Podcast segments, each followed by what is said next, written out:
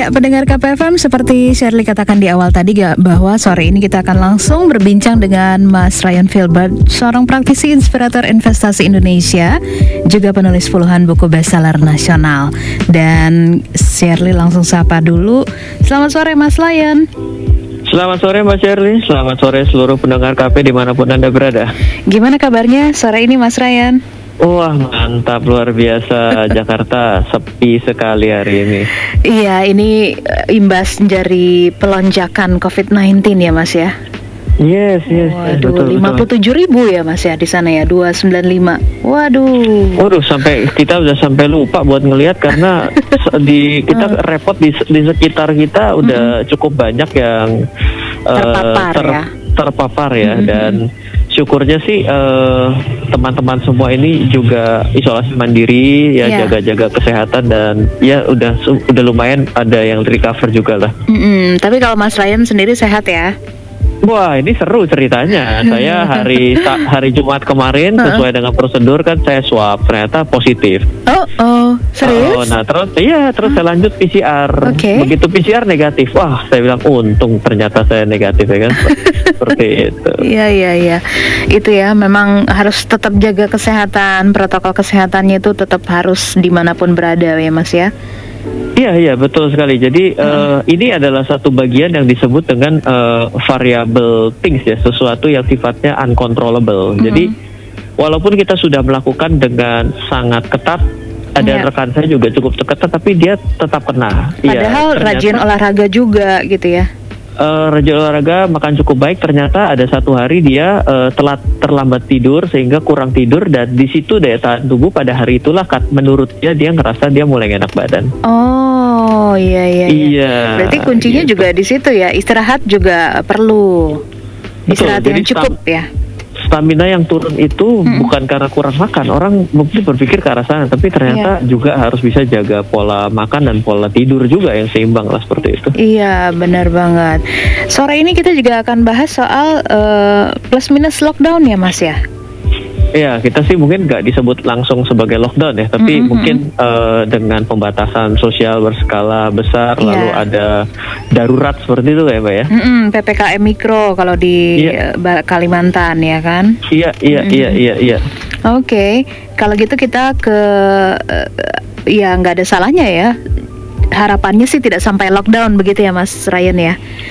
Tapi yeah, kalaupun uh, kalaupun uh, ke sana apa nih yang bisa kita antisipasi agar tentunya ya perekonomian tetap jalan begitu kan Mas Ryan? Nah, ini kata kunci yang menarik ya, perekonomian tetap jalan. Hmm. Sebenarnya ini adalah dilema. Jadi kalau kita bicara hmm. dilema itu kan kalau kita pilih yang A, yang B itu dikorbankan. Hmm.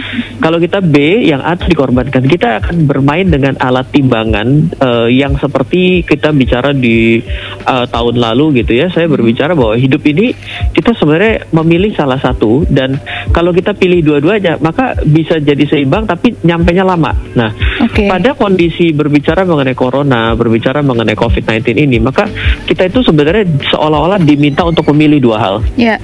Satu adalah kita, ayo kita care terhadap kesehatan. Mm -hmm. Yang kedua adalah kita uh, berbicara mengenai perekonomian. Nah, ketika kita lakukan yang namanya pembatasan mall menjadi lebih ketat, mm -hmm. lalu tidak boleh makan di tempat, itu secara tidak langsung maka sedang kita prioritaskan mengenai kesehatan. Iya, yeah, iya. Yeah.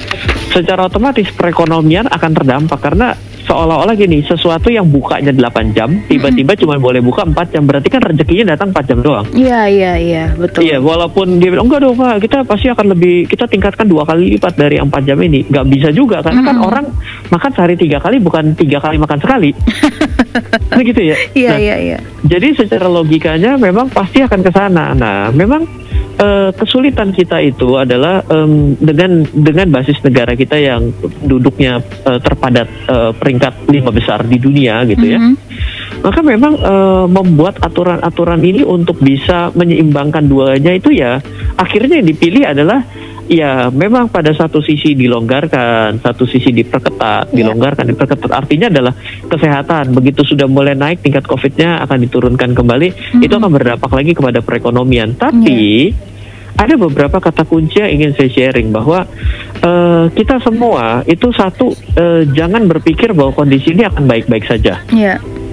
Jadi yang harus kita lakukan adalah pikirnya dibalik. Kalau kondisi ini akan berlangsung selama lima tahun lagi, Mhm. apakah saya masih bisa bertahan terhadap keuangan saya? Kenapa? Karena kalau keuangan itu tidak bisa kita pertahankan dengan sehat, Ya. pasti akan merembet kepada kesehatan kita juga. Iya, iya, iya. Iya, ada orang bilang, oh nggak apa-apa lah, saya yang penting sehat lah, nggak punya duit nggak apa-apa, tes aja coba. itu pak sebentar lagi sakit, kenapa? Karena stres, nggak punya duit, Aduh, saya gimana ya buat makan? Loh, pada akhirnya kita tetap harus makan. Jadi Iya, iya. kita harus berpikir dengan kondisi kejadian tiga kali lonjakan COVID dari bulan April tahun lalu, Hmm. Desember tahun lalu sampai dengan awal tahun 2021 dan hari ini kita hanya mengatakan bahwa ini tidak bisa baik-baik saja. Iya. Jangan jangan menunggu waktu berakhir gitu loh. Lebih baik kita do something karena memang ini tidak baik-baik saja kok. Betul, betul. Mas. Sadar gitu. Jangan jangan membohongi diri sendiri bahwa kita tuh baik-baik saja. Kita tuh selalu kondisi itu ingin menyenangkan diri kita padahal kita tuh sudah dalam kondisi yang bahaya. Jadi di kejadian saat ini ya ketika sudah kembali diperketat lagi, kita Iya. pasti dengan kejadian diperketat ini pasti perekonomian kita nggak baik-baik saja Iya, Mas. Hmm. ngaku dulu gitu ngaku dulu kadang kan kita dia deny membohongi diri sendiri buat Mhm. apa jadi ketika kita tahu dengan kondisi seperti ini berarti yang terdampak pasti akan ada perlambatan perekonomian lagi apa pun jurusnya perlambatan ekonomi pasti terjadi Iya. karena logikanya sesuatu yang buka 8 jam tiba-tiba buka 4 jam pasti ada separuh rezekinya yang terpotong Betul, betul. Nah, karena kita udah tahu seperti itu, apa yang mau kita lakukan? Nah, apakah kita masih punya uang yang cukup? Artinya eh, harus bisa bedakan punya harta yang banyak sama punya aliran uang yang cukup.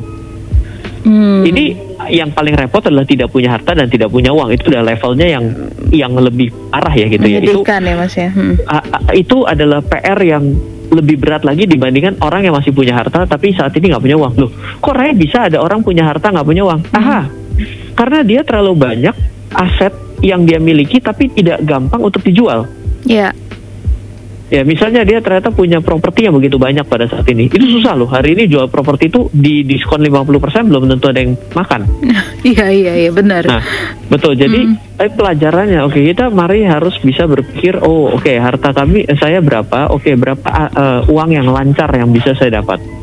Nah, kalau kita dalam posisi pada saat ini tidak punya kondisi itu, uang yang tidak ada, maka ya harus kembali berpikir bahwa karena sudah tidak baik-baik saja, Mm-mm. tolong jangan tunggu sampai lebih parah lagi, mulai do something. Oke. Apa yang mau kita lakukan? Iya. Kita mengurangi hutang kita, kita menyerah dulu untuk menegosiasi dengan hutang kita, atau kita mencari pekerjaan yang baru Hmm. karena pekerjaan kita yang sekarang itu kadang masuk kadang enggak kita merasa tidak nyaman, Mm-mm. atau kita berdikari sendiri dengan membuat sebuah lapangan pekerjaan bagi diri kita sendiri, Mm-mm. berjualan atau apa pun. Kita berpikir itu dulu gitu. Jadi ketika kita sudah menyadari poin pertama tadi bahwa ini tidak baik-baik saja, Iya. nomor kedua itu kita lihat ke, ke diri kita Iya. ini shortage-nya di mana nih? Yang yang tidak baik-baik dari saya apa? Oke. Nah, yang ketiga, poinnya antara mau ada dilakukan PPKM, PSBB dan lain sebagainya. Mm-mm. Kita ambil yang nomor yang nomor ketiga ini. Yang nomor ketiga itu adalah bagaimana caranya ah, saya tetap bisa melakukan yang namanya sebagian kita simpan untuk kondisi yang tidak menentu, sebagian kita gunakan yaitu adalah sisihkan, bukan sisakan. Sisihkan. Kalau kita prinsipnya adalah sisakan, Mm-mm. saya punya uang, punya eh, uang 10 juta. Saya mau sisakan deh di akhir untuk saya simpan untuk eh, masa depan saya, untuk besok lah. Itu nggak ada sisanya biasanya. Hmm, iya, iya. Kenapa? Mas. Karena ketika kita pegang, karena dan kita tidak terbiasa melakukan menyisihkan, maka kita akan muncul berbagai macam kebutuhan yang seolah-olah butuh. Iya, iya. Oh, saya tiba-tiba di PHK, seret. Tiba-tiba, oh saya selama ini nggak punya laptop, nggak kenapa-napa. Tiba-tiba saya bilang, e, kayaknya saya perlu laptop deh. Karena saya mau kerja di rumah. Oke, betul bisa jadi. Mhm. Saya mau laptopnya kayak apa? Aha, tiba-tiba laptopnya yang mana nih spesifikasinya? Tapi kayaknya oke juga nih bisa buat main game lah. Jadi jadi jadi melebar. Enggak, bukan bukan pada tujuan utamanya gitu. Kita Mhm, lebar. mhm. Tapi kayaknya enak bisa ngeprint sendiri loh. Emang ngeprint setiap hari berapa banyak? Ini contoh sederhana yang eh, bisa jadi ketika kita hari ini di PHK, lalu Iya. kita tiba-tiba sedang terima uang gitu kan atas uang pesangon kita Hah? yang kita tidak biasa pegang itu kita tiba-tiba ngerasa bahwa semua barang di sekitar kita itu butuh karena selama ini kita kepingin dan tidak ada nah bahaya, bahaya.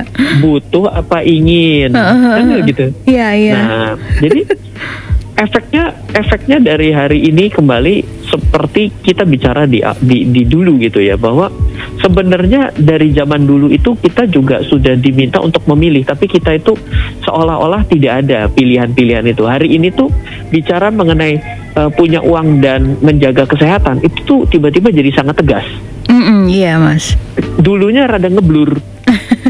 Iya dulunya rada ngeblur gitu kan kita kan dulu kan abai ya dengan yang namanya kesehatan kita Iya, Mas. ya kan padahal Boro-boro cuci tangan gitu ya. Nah, itu kan dari almarhum nenek saya itu selalu ngomong, eh sebelum makan cuci tangan, eh Iya. jangan masukin tangan ke mulut, itu kotor. Iya, Nah, iya. Itu tuh sudah ada, tapi budaya-budaya seperti itu tuh seolah-olah hilang aja atau menjadi abu-abu, tidak terlalu penting. Hari Hmm. ini itu menjadi penting lah. Emangnya dari dulu nggak penting kan jadi pertanyaan gitu ya? Ah, ah, iya benar, Mas. iya kan? Nah, jadi sebenarnya hari ini tuh bukan kita diminta memilih dari dulu kita tuh sebenarnya diminta milih tapi kita tuh nggak sadar bahwa itu tuh pilihan gitu loh. Hmm. Gitu Iya, kira-kira iya. mbak. Mm, mm, mm. Oke, artinya benar-benar tadi satu tips eh, harus melihat ke dalam diri dulu apa yang bisa dilakukan. Do something, jangan diam aja gitu ya Mas Rain ya. Ti- Tiga poin. Yang pertama itu yang pertama yang paling penting adalah anda harus ngaku bahwa ini bukan keadaan baik-baik saja. Oke. Kalau anda nyatakan ini baik-baik anda aja, anda akan tunggu bahwa ini akan lewat. Covid akan segera berlalu. Jangan khawatir, usaha saya akan kembali ramai. usaha saya pasti akan jadi ramai. Ini nggak akan ada yang sebentar, tahu. sebentar lagi, enam bulan lagi akan hilang. Loh kok tahu? Jadi ini harus kita kita harus katakan bahwa ini tidak akan baik-baik saja. Iya, Jadi iya. ketika kita nyatakan bahwa kondisi ini tidak baik-baik aja, diri kita merasa ada urgensinya untuk melakukan sesuatu tindakan. Hmm, ya biasanya kalau eh, kepepet tuh baru gitu ya Mas ya. Betul. Nah, yang kedua Hmm. adalah kita lihat ke diri kita. Oke, kalau gitu sekarang karena ini tidak baik-baik saja, saya yang masalah apa? Apakah saya tidak punya uang? Apakah saya masih punya uang tapi ternyata uangnya kurang? Beda Hmm. loh. Kalau saya tidak punya uang sama uangnya kurang tuh dua kondisi yang berbeda. Mm-mm. Lebih lumayan yang eh, punya uang tapi kurang. Ya. daripada yang tidak punya uang sama sekali itu lebih bahaya lagi gitu. Nah setelah itu ketika saya mengetahui kekurangan hari ini apa yang saya harus lakukan? Mm-mm. Ya dong kan kita bisa jadi ini bisa tiba-tiba nih eh, Bapak Presiden sudah kemarin menyatakan bahwa ini jangan keluar rumah Ya. ya kan dan ini akan dilakukan suatu Jawa Bali ini sudah akan dilakukan dengan diperketat gitu kan. Nah Mm-mm. ini terjadi lagi seperti bulan April lalu gitu. Nah, apa yang kita mau lakukan? Gitu. Nah, Hmm, kita tidak bisa. Oh, ini mah cuma sebentar doang kok. Nanti dua bulan akan balik lagi. Nanti akan terjadi enam bulan lagi setelah ada libur panjang lagi loh. Hmm. Loh, Ryan kok gitu ngomongnya loh? Kan saya bilang segala sesuatu jangan dipikir baik-baik saja. Iya, iya. Kita, Jadi, kita bicara yang terburuk dulu lah ya gitu ya Mas. ya. Betul. Kalau kita siap dengan keadaan yang terburuk, yang lebih baik kita siap. Iya, iya. Kalau kita siap yang terbaik, yang buruk nggak akan siap. Betul. Mm-mm. Nah, yang ketiga itu selalu ambil bicara karena ini pasti kaidahnya keuangan kalau bicara dengan saya gitu. Iya. Kita harus bisa konsep adalah apa pun yang kita dapat hari ini, jangan pernah kita selesaikan untuk hari ini semua kita ambil. Tapi lihat untuk yang ke depan. Bagaimana kalau ternyata ini lebih panjang daripada yang saya duga. Hmm. Sehingga secara otomatis kan sisihkan kita itu jadi sangat beralasan gitu. Oh iya, Kalau ini yang disebut sisihkan ya. Betul, kalau nggak kita bilang "Ya, saya punya udah punya uang segitu, sekarang aja saya mau pakai habis aja saya masih kurang, Rain. Masa saya harus sisihkan lagi? Kan akan jadi akan jadi masalah begitu dong. Iya, beban Saya punya lagi. uang. Mm-mm. Saya tiba-tiba punya uang 100 ribu. Saya tuh udah kurang sekali. Harus 100 ribu ini rasanya saya harus pakai habis pun masih kurang. Iya, iya. Masa saya mau sisakan menjadi tinggal 70 ribu? Tiga, nggak masuk akal, Ren. Memang nggak masuk akal. Karena apa? Karena nomor satu ini tidak baik-baik saja. Iya, iya. Artinya benar-benar juga harus mengencangkan ikat pinggang gitu ya, Mas Ryan. Eh, sambil mencari solusi lain. Kalau kita kencangkan terus ikat pinggang, lama-lama kita hilang pinggangnya, Mbak. Tanpa ada Iya, iya. solusi lain, eh, menghemat adalah metode yang benar. Oke. Tapi tanpa mencari solusi untuk memperbesar pendapatan atau mencari solusi atas pendapatan, itu hanya cara mengencangkan itu adalah cara untuk membuat kita menjadi lebih, leb- eh, sementara waktu. Itu adalah Hmm. alat alat bantu pernapasan, Mbak. gitu. Tapi kita tidak menyelesaikan penyakitnya. Oh ya. Gitu. Oh kita sesak napas nih. Ya iya betul. Oke pakai. Tapi yang perlu kita selesaikan kan sakitnya dong. Mm-mm-mm. Jangan kita kencengin terus gitu. Jangan oksigennya kita lebarin, lebarin, lebarin. Lama-lama kan pinggangnya habis bah kalau kita kencengin terus. Iya iya. Loh, pinggang saya sudah hilang kok ini udah singkat sekali kok saya masih harus kenceng mau kenceng apa lagi orang saya sudah sehari makan Udah mepet. kali tuh Mm-mm. betul jadi kencangkan oke betul itu adalah metode pertama penyelamatan. Iya. Ya, tapi setelah itu penyakit anda apa? Hmm, dicari Gitu loh. segera solusinya. Eh, yang menjadi masalah kan biasanya orang kalau sudah rada sehat lupa ngobatin penyakit. Ya. coba deh ada orang nih eh, dia dia dia nggak enak badan. Yang pertama kali dia minum obat eh udah rada sehatan. Eh pergi ke dokter. Nggak usah saya udah sehat. Loh, gimana? Kamu itu nggak tahu sakit mau apa loh kamu Iya. harus tahu sakit mau apa gitu ah nggak usah saya udah sehat nanti kalau sakit lagi baru saya pikirin lagi aha balik lagi sana kan Virusnya Itu- belum mati, masih pingsan virusnya. Iya itu yang bahaya karena apa Hmm. karena bisa jadi kita hanya menyelesaikan sesuatu yang insidentil Iya. nggak menyelesaikan sumber masalahnya sumber masalahnya nih rata-rata dalam keuangan ya itu Mhm. sebenarnya pola pikir loh Oh. Aneh ya?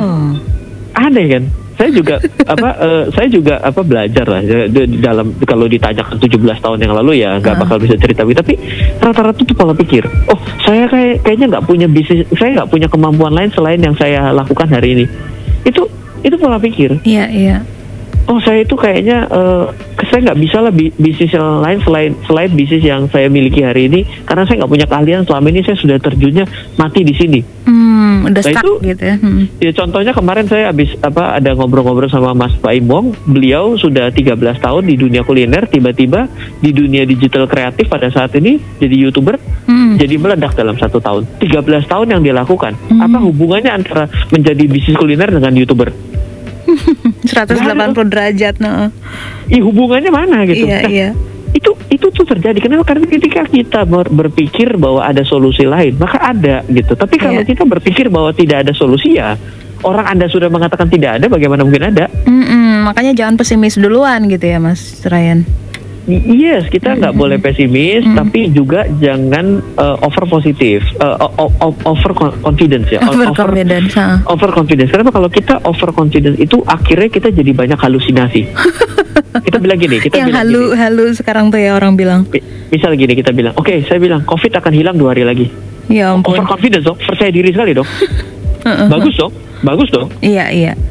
Eh nggak lewat dua hari, le- begitu dua hari lewat nggak habis. COVID akan selesai seminggu, terus kita lakukan itu.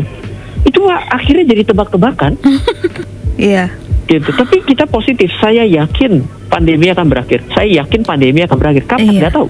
Loh, terus bagaimana caranya men- menjalani kehidupan dengan mengikuti pandemi ini? Ya udah, hidup sehat, ya dong. Mm-mm. Jaga, jangan ada kolesterol, gula darah, Iya. ya kan? Eh, jangan ada darah tinggi. Jauhi stres.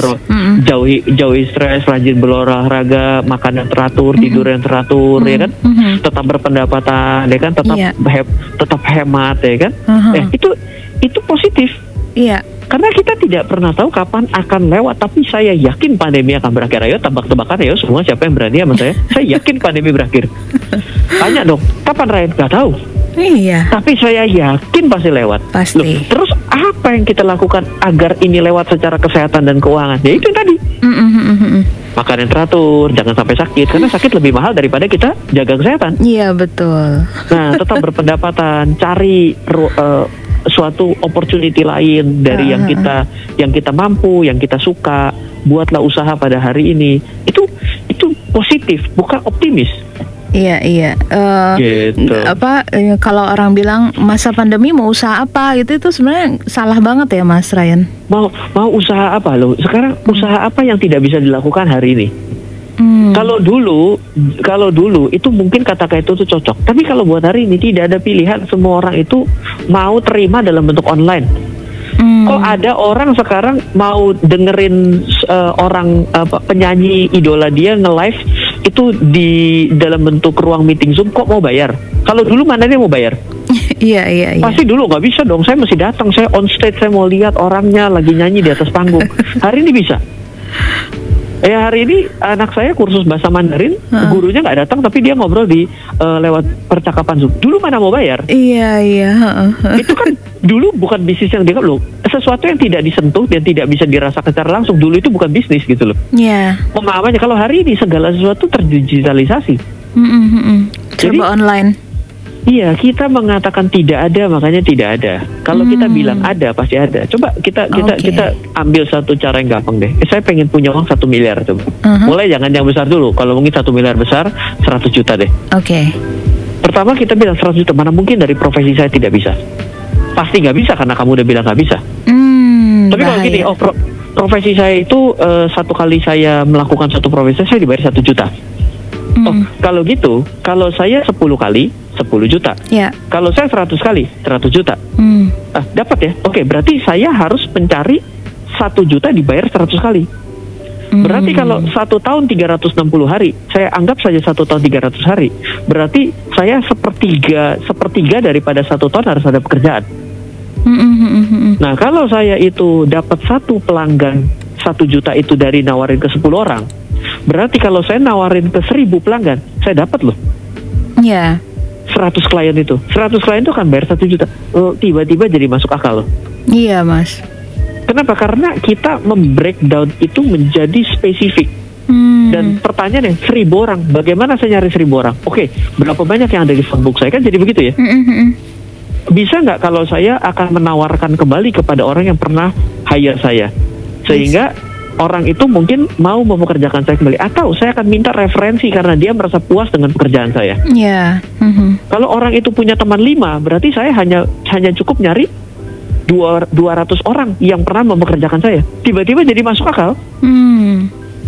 itu karena kita nyari maka ada kalau kita nggak nyari kita nggak akan pernah ketemu Oke, itu magic words ya, Mas ya. yes seperti itu Wah, keren banget so- eh, sore hari ini sharingnya, Siap. membangkitkan semangat juga untuk terus eh, melakukan aktivitas meskipun pandemi ya kan, new normal, tetap Ya. yang namanya eh, protokol kesehatan. Thank you, Mas Ryan. yes oke thank you Sukses sama-sama. terus aktivitasnya. yes oke thank you Selamat sore, Mas Ryan.